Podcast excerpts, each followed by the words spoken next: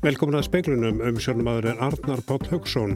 Að meðaltali tveir COVID-sjúklingar leggjast nú inn á landsspítalan á Sólarhinga söng fórstjóra á spítalans sem segir holskeflu skella á honum. Hann segir brínt að taka á fráflæði vandanum og sendi í dag út átkall til heilbriði starfsmanna um að leggja spítalanum lið. Nú þurfi allar hendur upp á dökk. Fórsiti Íslands kvatti þingmenn við þingsetningun í dag til að taka tilugur að stjórnarskrábreytingum til efnislegrar umræðum. Stjórnvöld á Ítalíu vilja framleikja neyðalög vegna COVID-19 og farsótarinnar til janúar lokan að óbreyttu falla þau úr gildu miðjan þennan mánuð. Og rætt verður við talsmenn stjórnaranstöðunar á Alþingi og fórsitaði sí í speiklunum með viðbröð þeirra við fjárlaga frumvarpinu. Fórsitaði sí segir að áframveðið þrýsta á hækkunu atvinnuleysisbóta og formaði miðflóksins er telur að frumvarpi sé kostningafrumvarp. Að meðaltali leggst einn sjúklingurinn á landsbítalan með koronaveiru síkingu á 12 tíma fresti eða tveir á sólarhinga sögn fórstjóra landsbítalans. Þórólfur Guðnason sóttárdalæknir segir ekki ástæð til að herða aðgerðir eins og staðin er núna en ákverðunum það er áðist af þróun faraldur sinns og getu helbriðiskerfi sinns til að sinna þeim sem veikjast. Hann kallaði eftir allir staðu saman í þessari baráttu og syndu sóttvörnum vel. Þórólfur býst ekki við að yfirstandandi bylgja verði jafn skamvin og svo fyrsta. Það er mjög líklegt að við þurfum að viðhafa þessar aðgerðir núna næstu mánuði því að þessi veira er greinilega ekkert að fara. Sagði Þórulu Guðnason. Pál Mattiasson, forstjóri landsbytalan, sagði upplýsingafundi almannavarn í dag að 580 manns væru nú á COVID-göngudildinni. Þar af séu þrýr flokkaður sem rauðir sem þýða innlögn sé yfirvofandi og 14 gulir sem þýða að þeir séu töluvert veikir. Róðurinn sé því að þingjast en það góða sé að á næstunni fækju um 100 göngudildinni vegna þeirra sem útskrifast. Framkom hjá sótarnalekni að 36 ný smitt hafi greinst í gær og að 11 var innlæður á spítala. Það voru eins og sótarnaleknir rakti í gerðkvöldi 11 innilíkjandi þar að tveir á gjörgjastlega nýjó smittsjútumadelt að sjö. Það hafa síðan bæst við tveir sjúklingar, það sem hafi degi í innlögn, þannig að það virðist vera svo að það leggist að meðaltali inn sjúklingur á 12 tíma fresti eða tveir á sólaring þessa dagana. Þannig að þetta er ákveðin holskefla. Segir Pál Mattíasson, hann segir meðalaldur sjúklinga um 50. Hann segir landsbítalan með reynslu að því að klástu faraldurinn og reynsla starfsfólks sé mikil og búnaður fullnægjandi. Til þess að spítalinn geti sint hlutverki sínu í faraldurinnum þurfi tvent að koma til, annars vegar að hægt sé að útskrifa sjúklinga sem lokið hafa meðferð og hins vegar að hægt verða manna COVID og gjörgjastludeild. Ég vil koma með ákall til helbriðistasólks. Mál eru að þróast mjög hratt. Bilgjan sem við erum að gangi hérna núna er ekki minni en svo sem var í vor. Eh, við þurfum alla á dekk. Við byggjum sérhæft heilbreyðstafsfólk og reyndar almennt líka að gefa kost á sér í bakvarðarsveitina og við byggjum sérhæft stafsfólk að sína því skilning, sérhæft stafsfólk á spítanum að sína því skilning og vera því viðbúið að við munum þurfa að loka mjög hratt deildum eða breyta starfsemi deilda til að geta synd okkar brínustu verkefnum sem eru lang oftast þessa dagana og næstu vikur að sinna fólki með COVID-veikindi. Þetta var Páll Mattiasson og Haugur Holm tók pistilinn saman. Guðni T.H. Jóhannesson fórsett Íslands að rættum áhrif heims faraldus á Íslending og breytingar á stjórnaskrá í þýmsetningaræðu sinni á alþing í dag. Hann saði sögu síðustu mánuða, sögu samhugar á samstöðum. Einhugur hefði ríkt í voru og hann þyrtaði að finna í höst. Fórsettin saði samstöðu góðan en hún gæti þó leitt til kyrstöðu. Mikilvægt væri að þingmenn gætu tekið tilluguru að stjórnarskrábreytingum til efnislegrar umræðum. Fleiri þættir falla undir heldar endurskoðun stjórnarskrárinnar meðal annars möguleg nýskipan á því hvernig henn er breytt og þjóðaratkvæði um lög að ósk hluta kjósenda. Mikil er hún því ætið ábyrð alþingis á þessum vettvangi. En nú um stundir virðist brínast að þingmenn síni í verki að þeir geti tekið þær tillögur að breytingum á stjórnarskrá sem framkoma til efnislegrar afgreðslu. Van geta gæti jafnvel talist þinginu til vansa sagði Guðni T. Jóhannesson, fórseti Íslands á Alþingi dag og Katrin Jakobsdóttir fórsætisráþara flýtur stefnuræðu fórsætisráþara í kvöld og að venju verða umræður um hana. Bein útsetting verður frá henni í sjónvarpinu í kvöld og heftum klukkan hálf átta. Inga Sæland formaði flokk fólksins segir að fjárlega frumvarpi ríkisjónunar sem kynnt var í morgun undistrykja að það búi tvær þjóður í landinu. Sangvænt frumvarpinu verður 264 miljardar króna halli á rekstur í ríkisjóð á næsta ári en efnislega áhrif koronavirunar eru metin á 192 miljardar. Fjármálar á þeirra saði þeirra frumvapið var kynnt í morgun að framöndan væri krefjandi verkefni að stöðva skuldasöfnun og auka háust á næstu árum. Já, bara eins og við varum að búast. Það undirstyrka það að hér búa tvær þjóðir í landinu og, og ríkistjórn uh, vinstri græna er að styðja það að, að, að stór hluti að fátakasta fólkinu sem er að taka á sig núna 20% gengisvall krónu og hækkandi matarkörfu og það í raunin er ekkert verið að rétta að meina einustu krónu það er bara þannig. Sagði Inga Sæland, Þorgjuru Katri Gunnarsdóttir formað viðreysnar segir aðgeri ríkistjórnarinnar til að skapa hagvöst ekki ganga nógu langt. Fjármálar á þeirra sjálfur, hann viðurkynni það að ráðstafinni ríkistjórnarinnar er ekki, duð ekki til til þess að auka hagvöxt, auka verðmættasköpun þannig að við getum barist að krafti gegn skuldakreppunni. Þannig að, að það segir mér það að þetta er annars vega viðurkenning á því að það er ekki verið að taka nægilega stór skref strax og hitt eh, síðan að, að ríkistjórnin er búin að kannski gefast upp við þetta verkefni sem þarf að fara í og það þarf bara aðra ríkistjórn í það stóra og mikilvæga verkefni. Þetta var Þorgjöru Katrin Gunnarsdóttir og nána verður fjallaðum með fjárlagafrömmarpið síðar í speklinum. Þar Ítalíu ætlar að fara fram á það við þinglansins að framlengja neyðarlög vegna heims faraldur sinns til loka janúar næstkomandi að óbreyttu falla þau úr gildi að tveimur viknum liðnum. Neyðarlögin voru sett í vetur þegar COVID-19 faraldurinn braust út á Ítalíu að fullum þunga. Þrátt fyrir að ástandið hafi lagast til bunna vilja stjórnvöld hafa óbundnar hendur til að koma í veg fyrir að ástandið færist til verri vegar rétt eins og í mörgum öðrum Evropulöndum. Án neðralagana veldur skriffinsku báknum kerfisins því að stjórnmálamenn og sérfræðingar á heilbriðisviði geta ekki bröðist við með skjótum hætti. Yfir 35.000 hafa látist á Ítalíu af völdum COVID-19.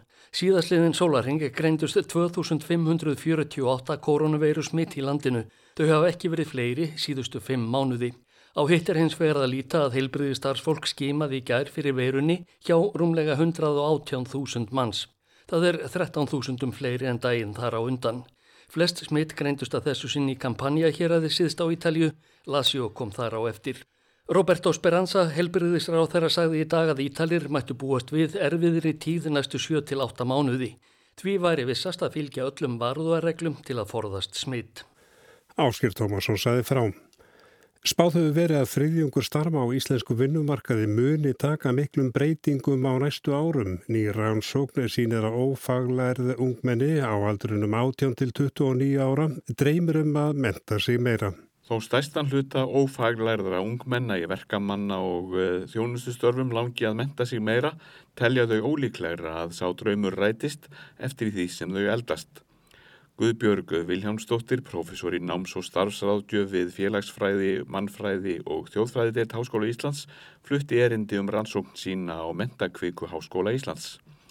Þar kemur meðal annars fram að fleiri ófæglærðir ungir menn en konur stundi flókinstörf og telli sig frekar stunda mannsamandi starf. Það geti verið einn ástæða þess að konur fari frekar í framhalds eða háskólanám.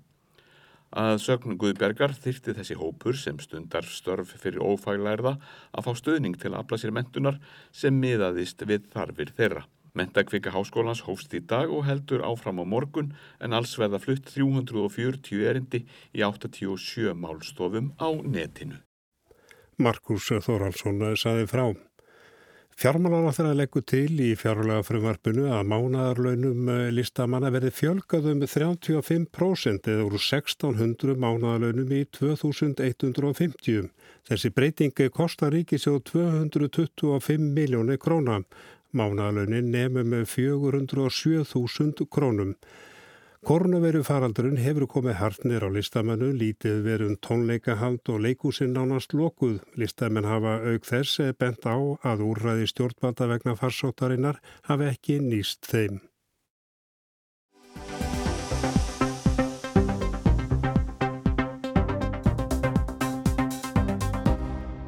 Það er gert ráð fyrir að hallin á fjárlögum næsta ás verði 264 miljardar króna og að samalagur halli í ár og á næsta ári verðum 600 miljardar.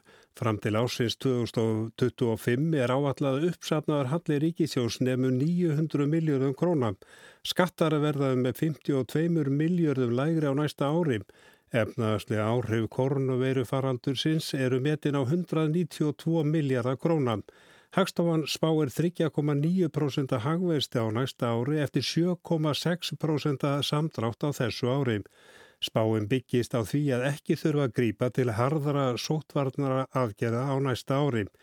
Bjarni Bendisson fjármálar á þeirra sagði þegar hann kynnti fjármálar frumarpið að unnið væri eftir ákveðinni hugmyndafræði. Sem að byggir fyrst og fremst á því að við nýtum styrkin í opuru fjármálunum til þess að takast á við þá kreppu sem við erum stött í.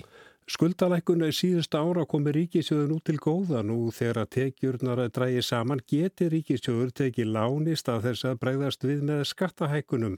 Og á gjaldahliðinni að þá sættum við okkur við að ímis útgjaldakerfi, stuðnískerfi, þau blási út án þess að fjármögnun sé til staðar og uh, það verði sömur leiðis fjármagnað með hallarekstur og lánum. Bjarni segir hann trúið því að þessi leið skil okkur betri árangri þegar kórnukreppinni ljúki. Það sé raun ekki valkostur að fara í harkalega niðurskurð og tekjuöflun. Markmiði framundan sé að stöðva skuldasöfnu ríkisins. Mikilvægt sé að verja störfu og styðja fyrirtækinni gegnum erfiðasta tíman. Framleistan muni dragast verulega saman í dýfstu kreppu í hundrað ár. Með því að leifa halla á rekstri hins ofinbera og með markvisum öðrum aðgerðum þá teljum við að við munum bjarga verðmætum og við séum á betri stað uh, þegar að ástandinu líkur til þess að spilna okkur frá uh, inn í framtíðina. Fyrir COVID hafi verið gert ráð fyrir minniháttar halla en nú verði hann yfir 10% af landsframleiðslum. Hann bent á að algjört hrun hefði orði í ákomu ríkisjós og nú verið gert ráð fyrir 264 miljardar króna halla á næsta ári og við bætist gríðalur halli á þessu ári. Yfir 100 miljardar verða greitir á þessu og næsta ári í atvinnuleysisbætur og áallega er að um 50 miljardar að fara í atvinnuleysisbætur á næstu árum. Ef að hafauðstur eigst ekki meira en útlitir fyrir. Það stefni í 900 miljardar krónar halla fram til ásins 2025 vegna lítillar verbolgu og fríðar á vinnumarkaði er því spáða kaupmáttur geti aukist. Fjárfestingar verða auknar um 27 miljardar á næsta ári og 25 miljardar árið 2022. Tekjuskattur lækkar um 14,5 miljardum áramót. Mesta lækunin er á læksta skattreipinum. Þá verða skattleysi smörgu erða fjárskatts hækkuð úr 1,5 miljardim í 5 miljardam og fjármárskattur verður lækkaður. Fjármálar á þeirra ítrekkar að það verði ekki valins og leið að fari harkalega niðurskurð. Við teljum að það myndi einfallega auka atvinnuleysið, uh, dýfka kreppuna uh, ef við færum í harkalega niðurskurð á þessum tíma. Uh, og allar okkar áallanir gangi út, út frá því að ef við, að við höfum okkur skinsanlega og finnum áfram leiði til þess að fara betur með og auka framleiðin í ofnbæra geranum, að þá getum við alveg risið undir þessu þjónustustíi hjá hennu ofnbæra inn í framtíðina. En það kostar réttar ákvarðanir og við erum mjög háð því að hagvöxtur taki við sér. Þess vegna eru eiginlega allar aðgerðir ríkistjórnarinnar svona þessar helstu efnahagsaðgerðir fyrir utan það sem er bara beinlinni svona til þess að hlýfa heimilónum og, og huga þeim sem eru atvinnuleysir. Það eru hugsað til þess að skapa eitthvað nýtt, búa til ný aukin verðmæti og bara hreinlega að tryggja að þegar að þessum faraldri hérna, líkur að þá séum við með sterkara Ísland, Ísland í uppfæslu 2.0. En hver eru viðbröðum við frumarpunum? Drífa Snædal, fórsiti alþjóðsambansins, gaggrínir að ekki sé gert ráð fyrir hækkun aturleysisbóta. Það er nú íminslægt sem á eftir að koma í ljós. Við erum að reyna að greina það hvaða áhrif þetta hefur á vinnumarkasaðgjörðir. Eh, það er náttúrulega það sem stendur upp úr aðstöða þá sem er í aturleit og það er engi merkið um að það er að hækka aturleysbætu sérstaklega sem er náttúrulega aðgjörð sem verður að fara í eh, til að tryggja framfæslu fólks. Uh, Öryrkjar sínist með vera skildur eftir e, e, e, enn á ný og það er, er gaggrinni verð en síðan ég því að það verist að hafa orðið viðhórsbreyting þarna frá síðastarhunni þannig að það er ekki verið að fara í uh, niðurskurði eða aðhaldsakjur heldur á að beita peningastefnunni uh, til að brúa okkur í gegnum þetta ástand. Þannig að þú hefðir viljað sjá það að atvinninsbætur og fleiri bætur, örorkubætur hefðu hækkað, það er hækkum 3,6% eða það er bara verðlagshækkanir. Já, uh, við hefum náttúrulega uh, lagt mjög miklu áherslu á það að í þessu ástandi sem nú er, þá skiptur öllu máli að fólk getur staðið við sína spöldbyttingar að fólk getur hérna, haft ykkur að tryggja afkomi og það er það sem er helstjafninu verðt í þessum frumvartum og við munum halda áfram að hamra á að það þarf að sjálfs að hækka atvillisbætur og tryggja hérna þannig að kerfin okkar sem eiga að grýpa fólk að þau eru umverulega að gera það. En hvað segir stjórnarnarstaðan og ég Einarsson formaður samfélkingarinnar er ekki sáttur við fjárlagafröðarpið? Ég er nokkuð hissa að það er eins og ríkstjórnin átti sig í rauninni ekki á í hvað ástandi við erum. Sko það er í fyrstalega ekki gert nót til þess að spjölga störfum, korki enga geranum ég og ég hafa nú opinbera og það er ekki tekið utan um það fólk sem er að missa vinnuna núna eða fjöl, fjölskyldu þeirra. E, Sveitafélagin eru skilin eftir og kvöldum klaka og þetta gæti náttúrulega byrna mjög hart á mikið væri verðflega þjónustu Og síðan er náttúrulega þetta líka áhyggjaefni á sama tíma við erum í þessum erfleikum þá þurfum við að fara að búa okkur undir mjög flokna framtíð og það er engin metnaður í láttlagsmálum og aukningin er 0,34% af fjárlögum sem er ekki neitt neitt. En er hægt að gera svo mikið meira en þetta fjárlagafrumap inniheldur? Já, við teljum það. Við munum byrtast eftir fjóra-fimm daga með heilstæðar hugmyndir hvernig við getum komið okkur út fyrir atfylgjuskreppinu og líka mætt grænni framtíð og við teljum að það sé bara nöðsilegt að stíga fast á því hér að núna. Þorgjörur Katrín Gunnarsdóttir formað viðreysnar segist vera sammála því að það eigi að auka hallan og mæta kreppunni þannig. En ég tel ekki að, að það sé vera að nýta svigrúmi til fulls. Mér finnst þessi fjármála áallun og fjárlegin, mér finnst þetta freka að vera plagg sem að uh, sínir að, að það er búið að framreikna ákvarðinu sem er búið að taka. Það er engin sín, engin stefna. En það sem veldur mér mestum áhugjum er að fjármálaráður sjálfur Eh, er að draga það fram að hann efist um að það er ástafinni sem að ríkistjóðun er að búa dugir til þess að auka hagvöxt og, og verðmætasköpun til þess að vinna gegn skuldakreppu og það er bara viðkynning á því að það er ekki verið að taka nægilega stór skref strax. En er það ekki eh, full ástættilega efast um það að þessi árangur náist í ljósi óvissunar? Nei, alls ekki. Ef við erum að taka nægilega stór skref núna að þá er eigur það líkur á að við höldum lífið í fyrirtækjunum þannig að þau verið betri stakk búin til að fara inn í uppsveifluna með verðmætasköpun eh, framöndan og til þess að auka hagvöxt. Það mun minga uh, líkurnar á, á aukinni skuldakröppu lengri tíma. Þannig að uh, mér finnst þetta að vera Segi, við kennum ekki að því að þessi ríkistjórn er ekki að taka nægilega stórskref annarsvegar og að hún hafi raunni svolítið gefist upp við að fari þær ástafni sem við þurfum að fari til þess að hagvörstur verði þannig að við getum komast sér fyrst út úr skuldakræfni. Fyrstu viðbröðu Simunda Davíð Skullássonar formars miðflóksins er að þetta sé kostninga frumvarp. Ég er rétt að byrja að skoða þetta en það sem vekur strax aðvikli er að nú eftir ár það sem er gert ráð fyrir samdrættu upp á næstu í 8% er búist við hagvextu upp á næstu 4% á næsta ári en samt er gert ráð fyrir áleika miklum halla á ríkisjóði sem að velti því fyrir sig hvort að þetta séu COVID-fjárlög eða fyrst og fremst kostningafjárlög. Þannig að þið finnst ótrúverðut að það sé gert ráð fyrir já, svo miklum hagveisti að 3,6% á næsta ári? Já, það kann vel að vera að þessi hagveistur náist en, en þá vekur það ákveðna förðu að það sé gert ráð fyrir að halli ríkisins verði jafn mikil í, í verulegum hagveisti eins og hann var í nánast með samdrætti. Að hvers vegna er það einhverja anstæður eða? Já, hagvöxtur þetta skilar auknum tekjum til ríkisins og vonandi minni útgjöldum líka. Það er alveg eðlilegt að þegar það er samdrættur upp á næri 8% að það bytni mjög verulega á tekjum ríkisins og kalli á útgjöld til að bregðast við ástandinu. En að menn gerir á þeirri sama halla þegar ástandið er að batna hratt eins og vonandi gengur eftir að það bendir til þess að, að það sé einhverja aðrar fórsendur fyrir fjárlöfum afsins 2021 en 2020. Þannig að þú heldur að þetta sé kostninga pröfarp? Já, þannig að það eru mjög sterkar vísbendingar um það. Ekki hvað síst að bóða sé að eh, farið verði í, í spartnaðaragerðir en það gerist ekki fyrir á næsta kjörtíðanbili. Björn Levi Gunnarsson, þingmaður Pírata, segir rétt að auka halla fjárlögum og auka ríkisútgjöld. Hins vegar skipti máli hvernig og hvar hallin er nýttur. Við erum að sjá eh, mikið vandamál í atvinnuleysi en ekki að aðgerðinar komið til mótsveits að það á augljóðsam hátt. Við séum ennþá mjög háar eh, upphæðir sem er að fara í aðtöluðis tryggingar á næstu árum drátt fyrir aðgerðir ríkistofnunar. Og við erum að sjá hugmyndir stjórnar anstöðunar um, um nýja miljarda í nýsköpun til dæmis sem við lögum fram eh, við fyrsta aðgerðapakkan. Það er nú norðin hugmynd ríkistjórnarinnar. Þannig að þetta eru svona handháskendar aðgerðir sem að mála enga sérstaklega, sérstaklega, sérstaklega sögu um hvernig þetta kemur til móts við vandan. En þegar þú ert að tala um atvinnleysi, hvað ertu þá að tala um að það sé gert nógu mikið?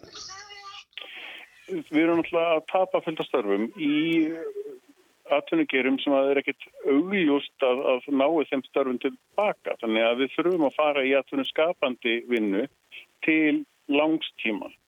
Og, og þar eru nýsköpunar verkefni eh, mjög, mjög mörg út um allt land. Þau bara býða eftir ef við nýtum þau. En þetta er ekkert komað til mótið þar uppfæðið sem við höfum séð í allavega vinnunni hjá okkur. Og fyrstu viðbröðu Ingu Sælands, formans flokks fólksins, eru vonbreyði. Hún segir frumvarpi undirstrykka að þjóðin er klófin í tvent. Það er aðtunur ekkundur og auð, auðvaldið og svo, svo allir hinnir. Það er bara þannig. Það er, það er ekkert verið að taka utanum þann þjóðfélagshóp sem hefur það báast. Það er bara alveg augljóst. Og það þýðir ekkert fyrir eh, ágættan fjármálar að draga það fram að ég koma eh, seinasta aðgerði í skattalækningunum um áramót, það tengis COVID akkurat ekki neitt, akkurat ekkert og það er ekkert verið að gera fyrir þetta fólk í COVID. Við erum að horfa hér á, á gengisfall, við erum að horfa hér á krónuna búin að síða um, um hátt í 20%, við erum að horfa hér á matarkorfuna að hækka linnu lösta því að þessi læknum krónunar gengur mjög hratt og greiðlega út í, í hérna, efnarskerfið, út í vöruverðið og e, það er ekkert verið að gera þar. Nú, það er verið að setja 100 miljardar í, í afturleysisbætur eins og ráð þeirra er að mæra, mæra sjálfa sig og, og ríkistjórnina e, e, gagvart. Það er ekki nóg því það er ekki sett einn einasta króna í, í, í almanna tryggingakerfið ekki einn og þessar 100, þessir 100 miljardar í afturleysis e, tryggingarnar eru, svo, eru, eru að gera fólki gjósarlega ókleft að lifa á þessum atvinnilegsbótsum því þá ekki að gera neitt í að hækka grunn, grunn atvinnilegsbætuna.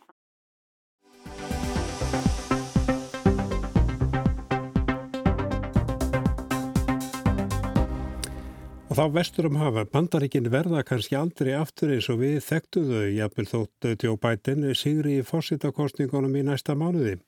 Þetta segir Silja Bára Ómarsdóttir í stjórnmálafræðingur.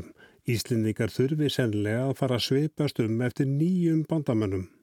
Maður hefði ekki trúaði fyrir nokkrum mánuðum að bandaríkin gætu leist upp, jafnvel í borgarastyrjilt vegna úslita fórsetakostninga.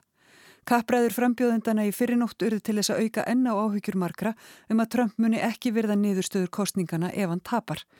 Á einum stað virtist hann hvetja hægri öfgahópin Proud Boys til að halda sig til hljés en vera til reyðu búnir og margir hafa tólka þessi ummæli sem herkvött. What do you want to call them? Give me a name. Give me a white name. Supremacists and you like me to condemn? White supremacists and white Proud Boys. Boys. Stand back and stand by. But I'll tell you what. I'll tell you what. Já, það er auðvitað erfitt að meta líkur á þessu en það er líka sko bara eins og með margar e, breytingar þá, þá virðast þær óttalega högfara þá getur það komið að loka punktinum sko þannig að, að hérna maður vil annan, annan e, sko aðra höndina þá vil maður ekki gera of mikið úr þessu og hinn höndina þá hérna vil maður heldur ekki gera sko draga algjörlega úr möguleikanum.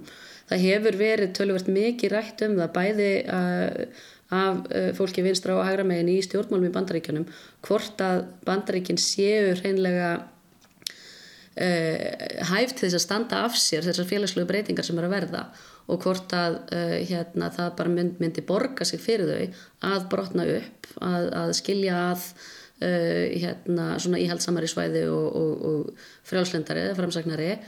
Og það eru ymsi fræðmenn sem hafa svona lagt grunninn að því hvernig það ferli geti verið og bæði, sé, bæði fræðilega og síðan svona kannski meiri svona aktivista aðgera sinna hérna nálganir um hvernig þetta geti litið út og ein leiðin eru þetta í gegnum borgarstrið en annað er uh, friðsamlegur aðskilnaður þar sem að, að uh, þessir hópar sem að eiga orðið ofbúslega lítið sameinlegt uh, gætu þurft að, að horfast í augu við það að, að hugmyndin um bandaríkin hafi þróast og gera ólíkan hátt eftir á milli ríkja.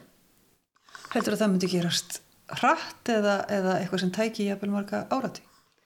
Þess að ég segi, breytingar eru oft þannig að það tekur, uh, hérna, það eru mjög hægfara, þanga til allt í einu, það hérna, síður upp úr og uh, ég hef ekki trúið endilega að þetta sé það sem að, að, að við myndum sjá friðsamlega aðskilna núna uh, og við gætum líka séð einhver átök sem eru mjög staðbundin, mjög afmörkuð sem að myndu leða til þess að að, að stjórnvöld sæju að það veri nöðsynlegt að, að sko, snúa bökum saman en ekki gera út á ágreininga eins og, og hefur verið gert mjög mikið í uh, þinginu og, og viða í uh, öðrum stjórnsýsleiningum uh, hérna, innan ríkjana. Heldur að við höfum eftir að sjá bandaríkin aftur eins og þau voru bara fyrir 10-15 árum síðan heldur að, að þessi stóra einhvern veginn svona þessi sundurleitin samt sem áður einhvern veginn þetta heildræna ríki heldur að, að það eigi eftir að koma aftur þessi stóra hugmyndum bandaríki Ameríku? Ég hef erfitt með að sjá bandaríkin eh, verða aftur eins og þau voru og það kannski kemur aftur að þessu hvernig hugmyndin hefur, hefur þróast svo mismunandi. Kalifornia er orðin ríki þar sem að enginn Eh, þessum fólk af, af einhverjum tilteknum uppruna er ekki í meiri hluta það er ennþá flestir af hvítum uppruna en, en eru, er ekki meiri hluti íbúana þessi söðupottur eða hérna blanda sem að bandaríkinn hafa lengi stært sig af því að vera er raun og veru orðin að veruleika. Og svo margt í því ferli raun og veru sem er að valda því að, uh, að, að þessi átök greiður sér stað. Þá fólk er ekki tilbúið til þess að, að sætta sig við þessa breytu mynd. Eh, það sem ég held að sé kannski fyrir okkur uh, verði áþreifanlegra er að, að bandaríkin hafi ekki lengur trúverðuleika út á við til þess að vera þetta ottaveldi sem þau hafa verið í alþjóða stjórnmálum í uh, hva, 75 ár allt frá lokum uh, síðari heimstyrjaldarinnar og það er að, og ef að bandaríkin draga sér í hlið og fara að að hörfa úr alþjóðakerfinu áfram eins og, og Trump hefur uh, svona þetta ferli sem að Trump hefur byrjað á þá erum við að horfa á mjög breyta heimsmynd og þá þurfum við að takast á við uh, afleggingar sem við erum kannski ekki endilega undirbúin fyrir. Þannig að, að, að það er eitt að bandaríkin breytist því að, að auðvitað bara breytast ríki inn á við. En vegna stöðu bandaríkina í alþjóðakerfinu þá er, eh, getur svo breyting haft alveg greiðarlega afleggingar fyrir okkur og önnur lönd í heiminum Við myndum allavega ekki halla okkur í, í vestur átt sannilega ef að til þess kem. Nei, ég held að þá þyrftum við með að fara að horfa aðeins e, öðruvísi á, á okkar nærum hverfi og, og hvort að e, hvar okkar helstu viðskiptaðilar ætti að vera og hvar okkar helstu bæði félagslegu, pólitísku og efnagslegu bönd ætti að, að snúa. Við þurfum að vera vakandi fyrir þessum breytingum og átt okkur á því hvernig, e, hvaða áhrif þau geta haft á okkur. Sagði Silja Bára Ómarsdóttir, Sigriður Haglin Björnsdóttir talaði við hana og lítum snöggvast til veðurs hæg suðlega eða breytilega átt og við að létt skíja en suðaustan 3-10 metrar á sekund og stöku skúrir suðvestan til í fyrstum, breytilega áttið 3-10 og úrkomu lítið í fyrramálið en regning austast og dálitlar skúrir við vestuströndina. Bætir í úrkomu að fyrir að regna á austur helmingi landsins annarkvöld og hiti 3-8 stig yfir daginn. En við sáðum frá því í speiklunum með meðal annars að eh, meðantali tveiri COVID-sjúklingar leggjast nú inn á landsbítalan á Sólarhinga söng fórstjóra spítalan sem segir holskeflu skell á honum.